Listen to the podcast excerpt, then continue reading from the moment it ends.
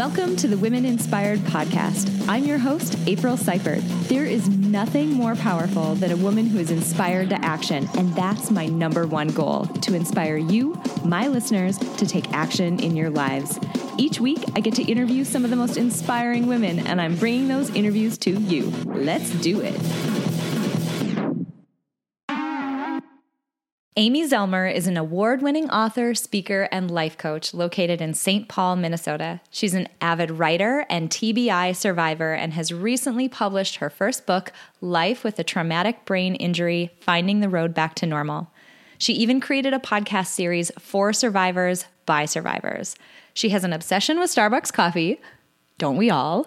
Miss Me jeans, and all things glittery and sparkly, and she enjoys traveling the country with her eight pound Yorkie named Pixie. Hey, everybody. Thank you so much for joining me this week. I'm really excited to introduce you to this week's inspiring guest. She is a wonderful woman who is doing wonderful work.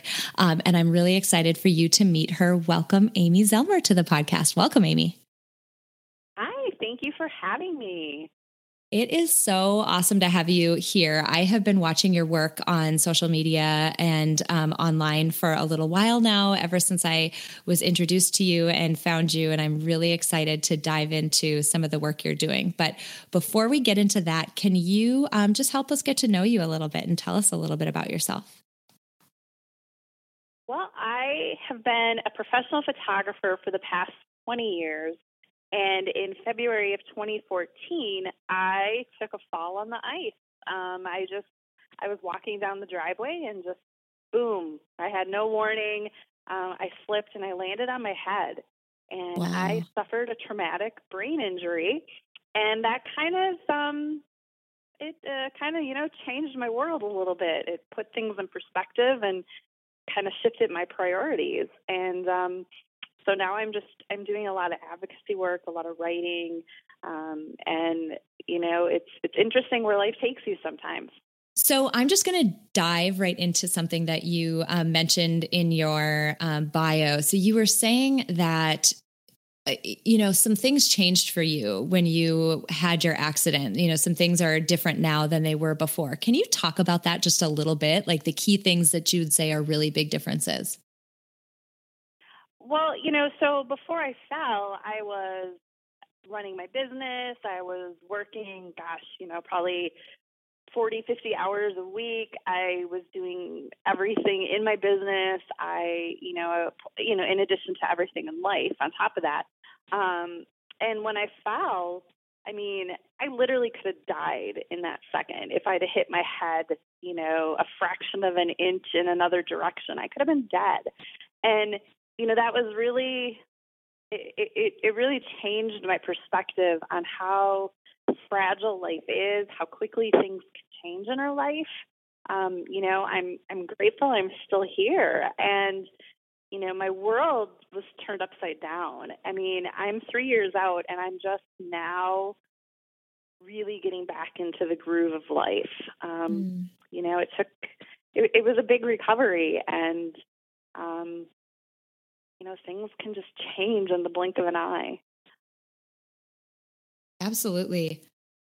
Can you tell us a little bit about the accident itself what you what you remember what the aftermath was recovery all of that because i don't know anyone i don't think anyone else who's been through an accident like that um, so i'm i guess i'm not really familiar with even what would happen as a result. So, could do you mind telling us a little bit more about the accident itself? Well, the accident itself happened in like a fraction of a second. I was walking down our driveway, which has an incline. Like it's it's not super steep, but it definitely has an incline to it. And uh, I I had no idea that there was ice lurking there. And I had my I have a little Yorkie, and she was in my arm. I was carrying her, and I hit that ice, and I mean, I can only imagine my feet flew up in the air like Charlie Brown, and I landed on my head, and I, I still can hear the sound of my head hitting the ground. Uh. And we think I was probably out for maybe a minute because um, Pixie had walked probably 10 feet away from me. Um, so definitely I lost some consciousness. Um, and I got up and I knew immediately I was not okay. I had the the pain of my head was excruciating, and my vision was just not right. I wasn't necessarily seeing double, but like I just could tell things weren't right. It was kind of like walking through a fun house and you know when you're looking at those mirrors and everything like changes yeah. as you're looking at it. That's kind of what it was like. And so I called a friend and um, I went into the doctor right away that morning and I really shouldn't have been driving, but I just didn't know what else to do, right? And um and he told me I had a pretty severe concussion and that I should feel better in 4 to 6 weeks. And in 4 to 6 weeks I wasn't any better. I was probably worse. um I was suffering lots of short term memory. I mean, like, I can't even explain. I would pull up Google to look something up, and by the time the page loaded, I couldn't remember what I was going to look for. Oh my gosh. Um, and it was super frustrating. And um, lots of aphasia, where you, which is where you can't recall a word, you can't come up with the right word, or you might say a completely wrong word. Um, I still I still do some of that. Um, but the fatigue, the pain, the headaches, um, sensitivity to light, I mean, just it it was a really long recovery. And and like you, I hadn't known anyone who had been through something like this. Um, so it was all new to me. And it was very isolating, and people kind of drifted away um, you know, it's just a concussion. Like, get over it. You, it's been three weeks. What's the big deal? Mm. Um, you know, so that that was challenging. When did you realize? So you said four to six weeks later, you still weren't feeling well. When were you actually able to, or maybe a physician, or I don't know, when were you actually able to put the correct label on it? To actually say i've had a traumatic brain injury. I know that it is something more than uh, the way that people would think about a concussion. You know when when were you actually able to label it? Um, a few weeks after i fell i met with um, a lawyer and he was the one who gave me that term and I was like, "What's that?" and he, you know, he kind of walked me through what it was, and um, uh, you know, it's interesting to look back and you know, we take googling so for granted, mm-hmm. and like it wouldn't even occur to me to look things up online. Like I just I can't even explain this lack of awareness that existed. Um, and gosh, I'd say for like eight to ten months, um, I just, I really didn't understand the complexity of what I was going through. Um, but once I finally kind of got to the point where I understood what it was and I did start doing some research, it was like, oh, wow, yeah, this is a big deal. And, you know, those first few weeks, you're hopeful that you will feel better in four to six weeks. Mm-hmm. But then it got kind of discouraging um, when the doctor's like, oh, you know, well, I guess it could take like six months. And then at six months, I still wasn't better. And then, well, you know, this might take a little more time. And you know, here I am three years later, and I'm I'm still dealing with it. Oh my gosh! So, did you? You mentioned going back to the doctor a couple of times. Was there any sort of um, therapy, occupational or physical, or I don't know, anything like that that um, you had to go through in order to just get back some of the capability in your daily life? Or maybe it was even more cognitive given that you know you had some uh, short-term memory loss? I don't know. Was there anything like that that you had to do? You know it's interesting. The first year um, i'd say the first like 18 months i said my full-time job was going to the doctor I was mm. constantly going to the doctor. Um, and it was exhausting. Um, but you know, I went to the neurologist. I I was begging for some help. I'm like, I don't know what I need, like, but I need some sort of help. I don't know if it's occupational therapy or cognitive therapy. And, you know, I just kind of got blown off because I was what they call high functioning. I could walk, I could talk, I looked fine. Um, you know, brain injury is so invisible. And many doctors, I, I'm coming to understand that many doctors don't understand brain injury. Mm. And, you know, it's no fault of their own. They only get an hour or two of it in med school, you know, which is just kind of frightening. Um, but at two and a half years, I found a doctor. He is a functional neurologist, um, Dr. Schmo, and he just turned my life around. Um, I don't know where I would be right now if I hadn't met him. Um, but we did lots of exercises. Um, I guess the one thing I didn't mention was I had dizzy and balance problems like 24 7. Oh um, oh I was gosh. constantly at like an eight or a nine out of ten, and he he he figured out, you know, it's my eyes. Your eyes aren't working together. We did some exercises, um, and we got my dizzy balance down to like a two. Um, and I mean, just he and he really helped. I had a lot of whiplash. I had a dislocated sternum. I had so I had a lot of physical on top of the brain injury, um, and he was really able to get some of that pain um, under control.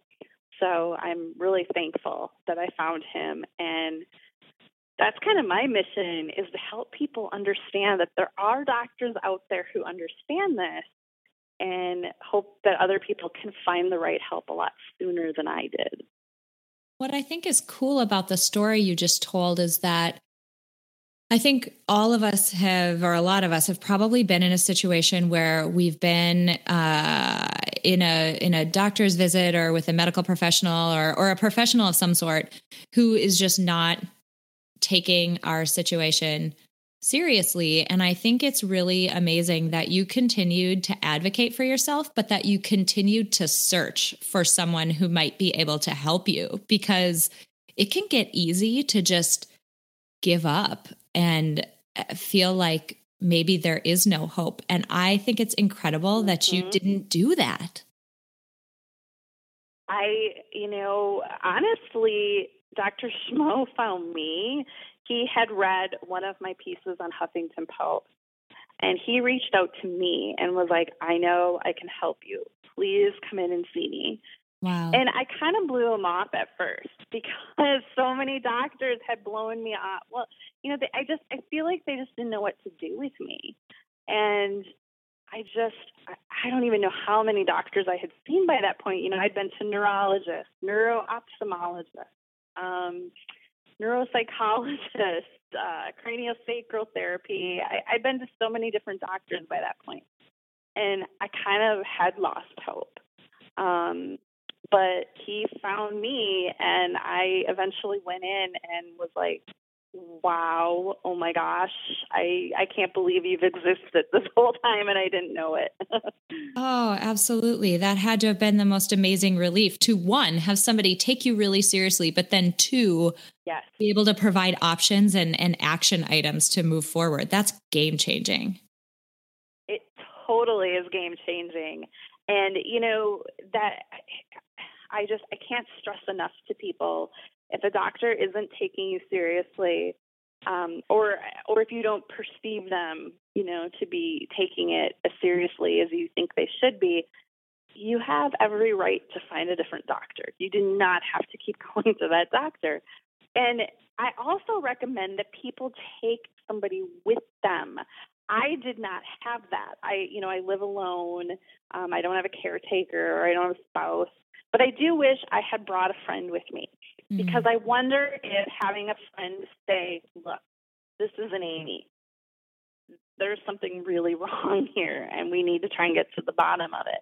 You know, that may have been the catalyst I needed. Plus, right. I didn't always remember things when I got home from the doctor. I I wouldn't remember what we talked about. Um, so having having someone with you, I think, is really powerful too.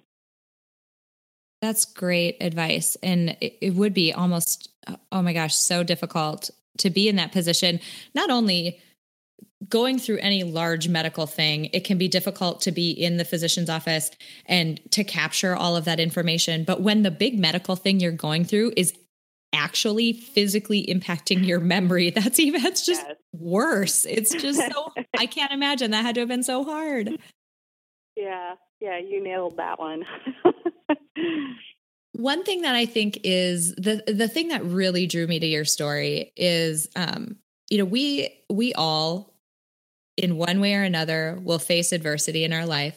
There's uh rarely anybody who gets out of this uh gets out of this thing without yeah. facing something that is uh difficult and um you know hard to slog through. And it the way that people handle adverse situations can vary quite a bit. And what you did that i think is so incredible and so inspiring is you took this really difficult experience that you had and you turned it into a platform to help other people. Um, can you tell me a little bit about how you made that decision and when you started becoming the advocate that you that you are today yeah, you know, and I've always been a very positive thinker. I believe in the law of attraction and manifesting. And when I fell, um, I remember telling my life coach, you know, there's a reason this happened to me. I don't know it yet, but there's a reason. Um, and about a year after my accident, I was I was really frustrated. I was in a really dark place. I didn't I didn't know if I'd ever feel normal again. And I wrote a really personal blog post um, about my journey. And a good friend suggested to me to submit it to Huffington Post. And I was like, mm. why? She's like, I don't know. I just have a feeling that this could help other people. And, you know, at this point, I still hadn't met other people with brain injury. Um, and so I took a leap of faith and submitted it, and I heard back within a couple hours that they wanted to to run it. And when it went live, I just remember a friend texting me. She's like, "Oh my gosh, this is showing up in my newsfeed all over the place. Like people were not even connected to." And that piece went crazy viral. It had like 30,000 likes on it in like a couple days. And I was like, wow, what's going on here? And people started tweeting me and finding me through Facebook and finding me online. And they wrote me messages like, oh my gosh, you put into words exactly how I feel. And I was like, okay, this this is what I'm supposed to be doing. I I've I've found my meaning. And so I continued to keep writing and I I uh, created a private Facebook group called Amy's TBI Tribe, and it's a place where people brain injury or caregivers or loved ones can just hang out and be able to share what they're feeling and what's helped them. And it's up to like 7400 members. And i never dreamed that it would um grow like that. And um I eventually turned my HuffPost pieces into a book. And so I published a book uh, just a little over a year ago now. I published my first book called Life with a Traumatic Brain Injury. And I have traveled the country speaking to support groups and brain injury conferences. Um, I go to Washington D.C. every year for Brain Injury Awareness Day. Um, you know, and and with advocacy work, you know, it's it's it's um it's uh, you you know you're doing it out of the goodness of your heart. Um, most of these groups have no budget to pay for you to come speak to their people. So you know I've done a couple GoFundmes along the way to raise funds, but um, it's just such meaningful work, and it just when people come up to you at a conference and tell you that your Facebook group saved their life, mm-hmm. it's I just can't put into words how that feels. It's just you know you're doing the right thing. That's so powerful. And I've talked about it on a number of episodes with a variety of people who have super diverse backgrounds, but this idea of having a good reason why you're doing something is just incredibly powerful because it allows you to have the courage to do things that you probably wouldn't do if it wasn't something that you felt so passionate about. You know, you can kind of set aside your own fear when it's a topic or or a cause that you are really in your heart passionate about and it sounds like obviously that that's what's going on with you and your work. Mm-hmm. Yeah, it's it's incredibly rewarding and you know, I just know how lost and alone I was that first year and I just don't want anyone else to feel that way. And you know, if I can help just one person by, you know, even this podcast, if one person hears this and is like, "Oh my gosh, I'm not alone." Mm. Um, you know, it's it's so worth everything. Yeah. You mentioned the book that you wrote. Tell us a little bit about that and, you know, what you cover in the book. Um, I, I could imagine you could take it in a number of directions. Yeah, so it's called Life with a Traumatic Brain Injury Finding the Road Back to Normal. And it's basically a collection of about 12 of my Huffington Post pieces, plus some of just my regular shorter blog pieces from my own blog. Um, and it's just, you know, it just really takes you through my first year and a half. Um, I'm actually kind of getting ready to possibly put together a second book because now I've written another like 14 pieces on HuffPost. But it just gives you a really first-hand experience of brain injury. It talks about what I went through and some of the things that helped me and, you know, it talks about how my friends kind of slipped away, and so many people can relate to that in the brain injury community. Um, and I'm just told all the time that the book helps them feel um, understood. Somebody else gets this. And I've had a lot of people give it to their friends or their caregivers and be like, just read this. This this mm-hmm. sums up my life. um, and I think sometimes it's powerful when you can give your friend or your caregiver, whoever's maybe not getting what you're going through, I think if you can give them someone else's perspective to read, it, it, it really does help that other person understand it so much better. Oh, I totally agree with that. There's, you know, relationships, any relationship, whether it's a friendship or, mm-hmm. you know, a close relationship with a spouse or partner or a parent or something like that.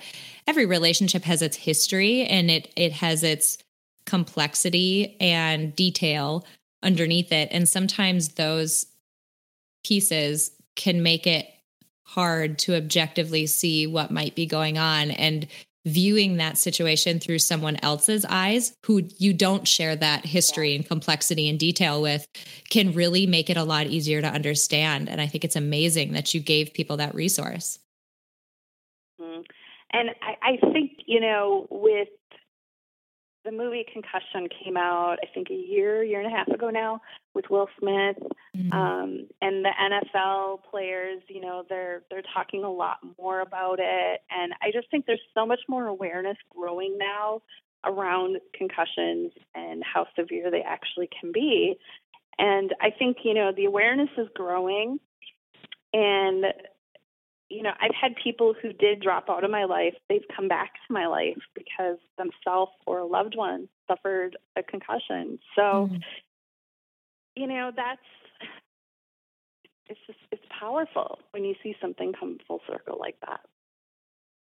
I've heard, you know, you've mentioned a couple of times that that people sort of drifted away and I've heard that from others who have gone through really heavy uh, I guess, really heavy um, medical situations. So whether it's cancer or um, uh, you know, even a miscarriage or you know things that are really impactful um, and difficult. And one of my suspicions, and and maybe this isn't all of it, but one of my suspicions is that when you're not the one going through it, you have a hard time knowing what to say and what to ask and how to sort of conceptualize what that person might be going through. Do you have any tips for us for people who might have people like that in our lives that we want to we we want to avoid being that friend who's distancing themselves and and sort of stepping back at a time when that person needs us most. Uh, do you have any tips for people and how they can maintain those close relationships?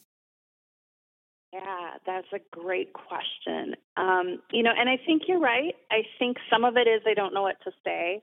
Um, I think with brain injury, they just don't understand it. Um, same probably with miscarriage. If they've never been through miscarriage, they, they don't understand why why is it why are you still crying? You know, yeah. um, where where with cancer, I think people understand it more. You know, okay, you have cancer. Now you're probably going to do chemo or radiation. Like there's there's more understanding of what happens. Um, but my tips would be, you know, don't don't ever say to them, you know, like I had people say it's just a concussion, get over it. And I had people say to me, my God, it's been a year. Quit using your brain injury as an excuse. it's uh. like, whoa, wait, what? Um, so my advice is, first of all, don't ever say something stupid like that. You, you know, you might think it, but don't let it come out of your mouth ever. Um, but you know, just show up and take them out to dinner, or bring, even better, bring them dinner. You know, grab mm-hmm. some takeout and bring it over. Um, offer to take them to a doctor's appointment. Offer to, you know, like in my case, like I would fatigue at after bringing my groceries in the house. You know, offer to help prepare some meals or come over and help them clean.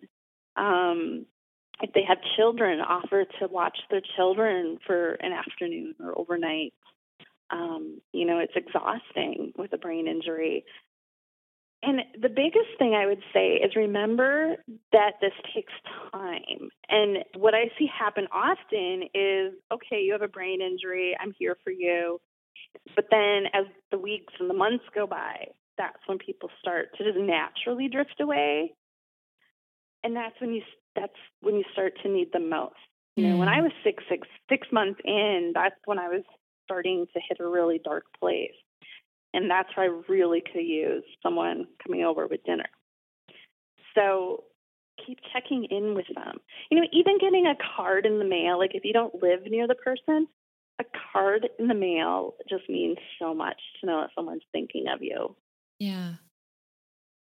Those are great tips. Yeah. I mean, because you're exactly right. At the time when people are starting to take a step back that that is likely when you need them the most when you're really getting into it and um you know you're you're in the thick of whatever whatever situation you're going through that's really when you need people the most mm-hmm. yeah. so as you think back you know even prior to the injury versus now has your concept of i guess uh, what you're afraid of. Has that changed at all since you've gone through this experience? Mm, that's an interesting question. um, you know, with with brain injury, um, there's there reaches a point where you start to have a lot of anxiety, and you're fearful of hurting yourself again. And that's a super common thing that happens. You know, they, a lot of times we have PTSD.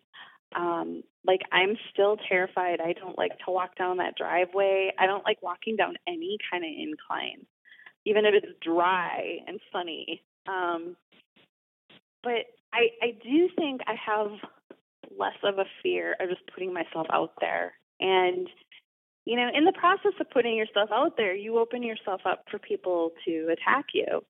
And you know, I've I've had naysayers and I've had bullies and you know people who oh she doesn't really have a brain injury, you know, and um, but I but you're you're less afraid to put yourself out there. Like I never would have thought that I would have such personal I mean, like I wrote an article about sex after brain injury.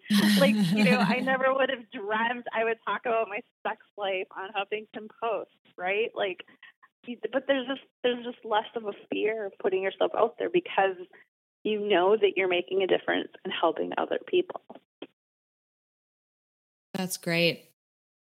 Yeah, that that's fantastic. And two, you you nailed it with that. You're you're doing it because it's helping so many other people that how could you possibly hold that back now? I mean now that you've heard from people who have said you saved their life and people who you have really helped get through and provided a community for to help them get through a difficult circumstance like how do you how do you hold that back from people when it's doing so much good? Right. Yeah. yeah. oh my gosh absolutely. so uh, what type of people inspire you oh you know i have to say the brain injury survivors that i meet along my journey when i speak um, i recently when i was out in dc i spoke at a couple of the clubhouses and this is where survivors can go during the day and just kind of hang out, socialize. They can help with the gardening. They can help um, vacuum the clubhouse. They can make the lunch. It just it helps provide them a social outlet, and they can learn back life skills. Yep.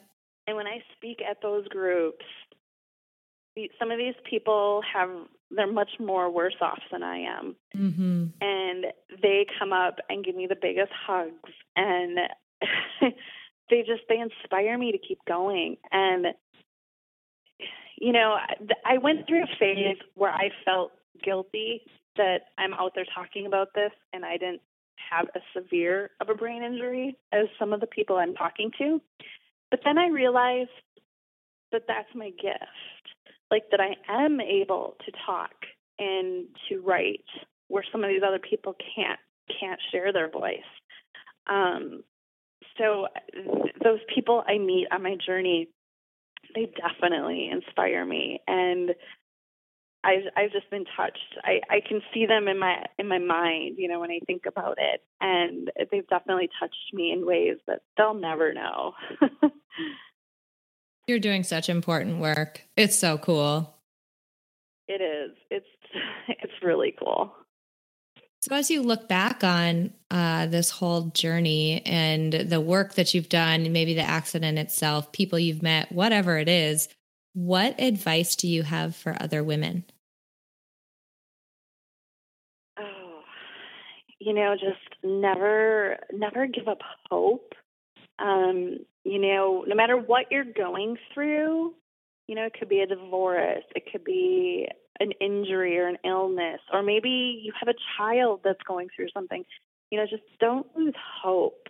Um, it can feel really, really dark and ugly at times. And, you know, like I said earlier, I started to lose hope.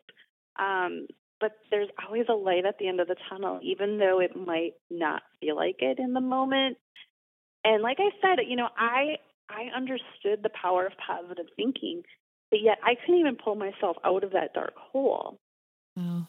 And you know, finally one day I said, "Oh my God, Amy, just stop it." and that's when I put my big girl panties on and was like, "Okay, um, I'm going to write about it." And writing can be extremely therapeutic you literally get that chatter out of your head and put it onto a piece of paper. And even if you don't even plan to ever publish it anywhere, I think writing or journaling can be extremely therapeutic and just kind of help you clear it out of your head so you quit thinking about it. Does that does that make sense? Like Absolutely. Just buzzing around inside your head, just put it on paper. Absolutely. That's great advice. One, it's it's great advice that's very applicable broadly to all of us, not just people who are going through a difficult, right. you know, medical situation or a brain injury or something like that. I mean, it's it's um it's something that we all likely catch ourselves getting caught up in um, and a really great piece of advice. So as you look ahead, what is your next goal? even sure. you know, I've always been a goal driven person. And since this brain injury, things just have happened so organically. Um, and I just know the universe is going to guide me there. But, you know, I, um, in August, I'll be speaking at the International Conference for Brain Disorder and Brain Injury in Toronto. And that's a huge i'm just i can't even believe that's happening. Um you know that i just feel like i keep reaching a bigger and a bigger audience. Um and so i know i do want to get another book out with my huffpost pieces. And um I just, you know, I'm looking for more ways to make an impact. And as, as a photographer, um, I know I still have that skill. And I really have this big vision of traveling the country and photographing people with brain injury and making um, a really big project out of it, an awareness project. Um, you know, this is what brain injury looks like. You know, we look we look just like you. um, and I'm not sure how that's all going to come together yet, but I know that it will, and uh, that's probably my biggest um, goal that I have out there. I just don't quite know all the pieces yet. That's wonderful. You are doing such incredible work, and it has to feel it has to feel so great to to know that you're making such a big impact for other people. Um, it's oh, got to be just such a sense of accomplishment. Yeah, absolutely, and that's what keeps me going. You know, like I said, this stuff it doesn't pay big bucks, so it's it's it's just so um, extremely rewarding. And you know, like I said, if you just touch one person's life, it, it's worth the effort. Absolutely. I guarantee you're doing that right now. I guarantee there's somebody who's listening who has uh, been through a situation, maybe it is even a brain injury, or they're going through something like that right now, who, uh, you know, needs to hear the things that you're saying and, and needs to know that your community exists and that the work you're doing exists because um, it's not it's not easy to feel like you're alone and you're the only one going through something. So it's wonderful what you're doing. Thank you. This has been so great. It has been great to get to know you, to hear your story, to hear more about the work that you're doing and the impact that you're making. Um, it has been fantastic. And I have to ask you uh, one final question before I let you go today. And that is the question that I ask every single person who's on the podcast. And it is for your favorite motivational song to add to our Spotify playlist. Well, I actually two.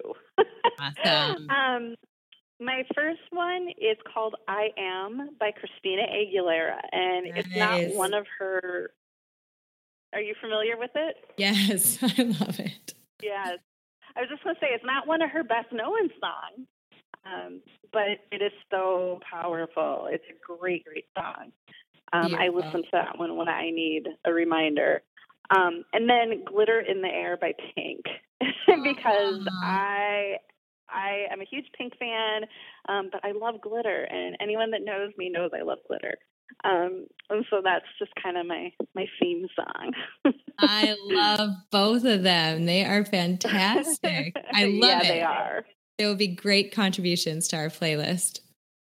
Amy, I have to thank you so much for being here, for being open and authentic with your story. It can be uh it can be, you know, tough to open up and tell people the, you know, the more personal sides of things. And you know you've definitely done that through the work that you've done with Huff- huffington post through your book through your speaking and all of that. And i appreciate you adding you know adding this uh, one avenue to your uh, repertoire of where you're sharing your story. We really appreciate you being here today and I thank you so much, April, for letting me share my story. Um, this has just been a great, great conversation.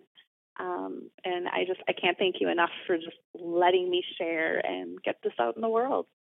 Thank you, thank you, thank you for joining me for another episode of the Women Inspired podcast. And I really hope you enjoyed meeting Amy Zellmer this week. This week's episode was brought to you by an interesting little grape that I didn't actually know existed, something called a Nero d'Avola I hope I'm pronouncing that right. I'm so not Italian. But it is an Italian wine from the Sicilian region. I had a 2016 varietal from it, and it was awesome.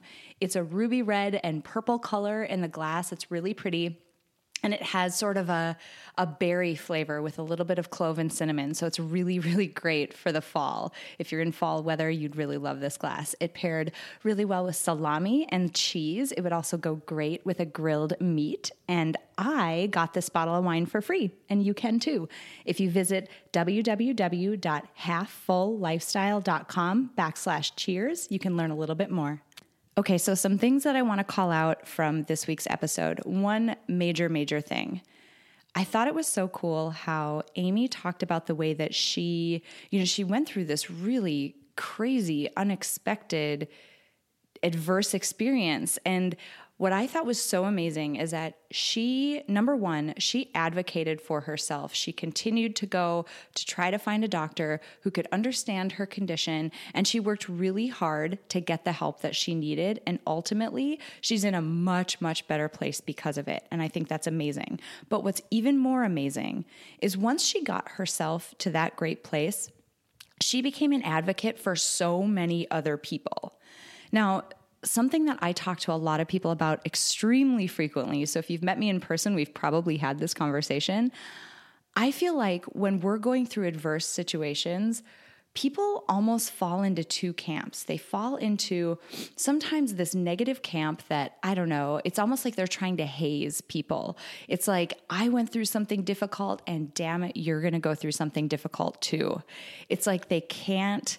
I don't know. There's something about you know, because they've gone through something tough, they want to make sure that the people coming after them have to experience that same degree of difficulty. Then there's people on the other side of the coin, people like Amy, who become almost like a coach or an advocate. These are people who say, Oh my gosh, I went through that exact same situation. I know exactly how hard it, how hard it is. You can do it and I'm here to help you and here's everything that I learned. These are people who work hard to to learn new information and to pave the way for other people. And that is incredible to see. And if you've ever been on the receiving end of an amazing coach or an amazing advocate like that, you know what a big difference that can make in your life. I want to call out one other person who you guys may not know. Uh, my good friend Gretchen Heinen is another one of these amazing women. I know she listens to the podcast. So, hey, Gretchen, I'm giving you a call out this week. She runs a Facebook group called The Reason Lifestyle. And it's just amazing. She's a huge proponent of self development, a huge proponent of continuous learning. And every time she gets amazing value out of something that she's learned, so, you know, she's had to go out and seek out this information and pay for it and all of that. She literally just shares it in this group because she wants other people to benefit from that information. And that's exactly what I'm talking about here. People like Amy, people like Gretchen, who make it their job to be a coach and an advocate for other people. It just it means the world to the people who are on the receiving end of that. I want to thank you all, those of you who have gone to iTunes and left me a rating or a review. I can't tell you how much that means to me. If you're enjoying the podcast, if you loved this episode and you loved meeting Amy, I would love it if you would pop over to iTunes and leave me a rating and review so that it uh, makes it a little bit easier for my podcast to be seen when people are searching for inspirational content like that, which I'm trying to put out. All right, so that's it for this week's episode. I really hope you guys loved meeting Amy. And until next time, have an inspiring week.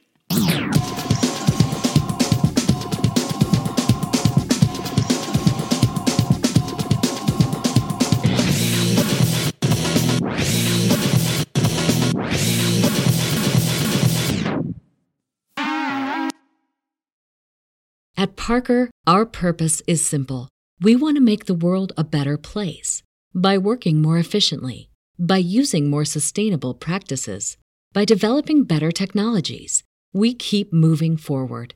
With each new idea, innovation, and partnership, we're one step closer to fulfilling our purpose every single day. To find out more, visit parker.com/purpose. Parker, engineering your success.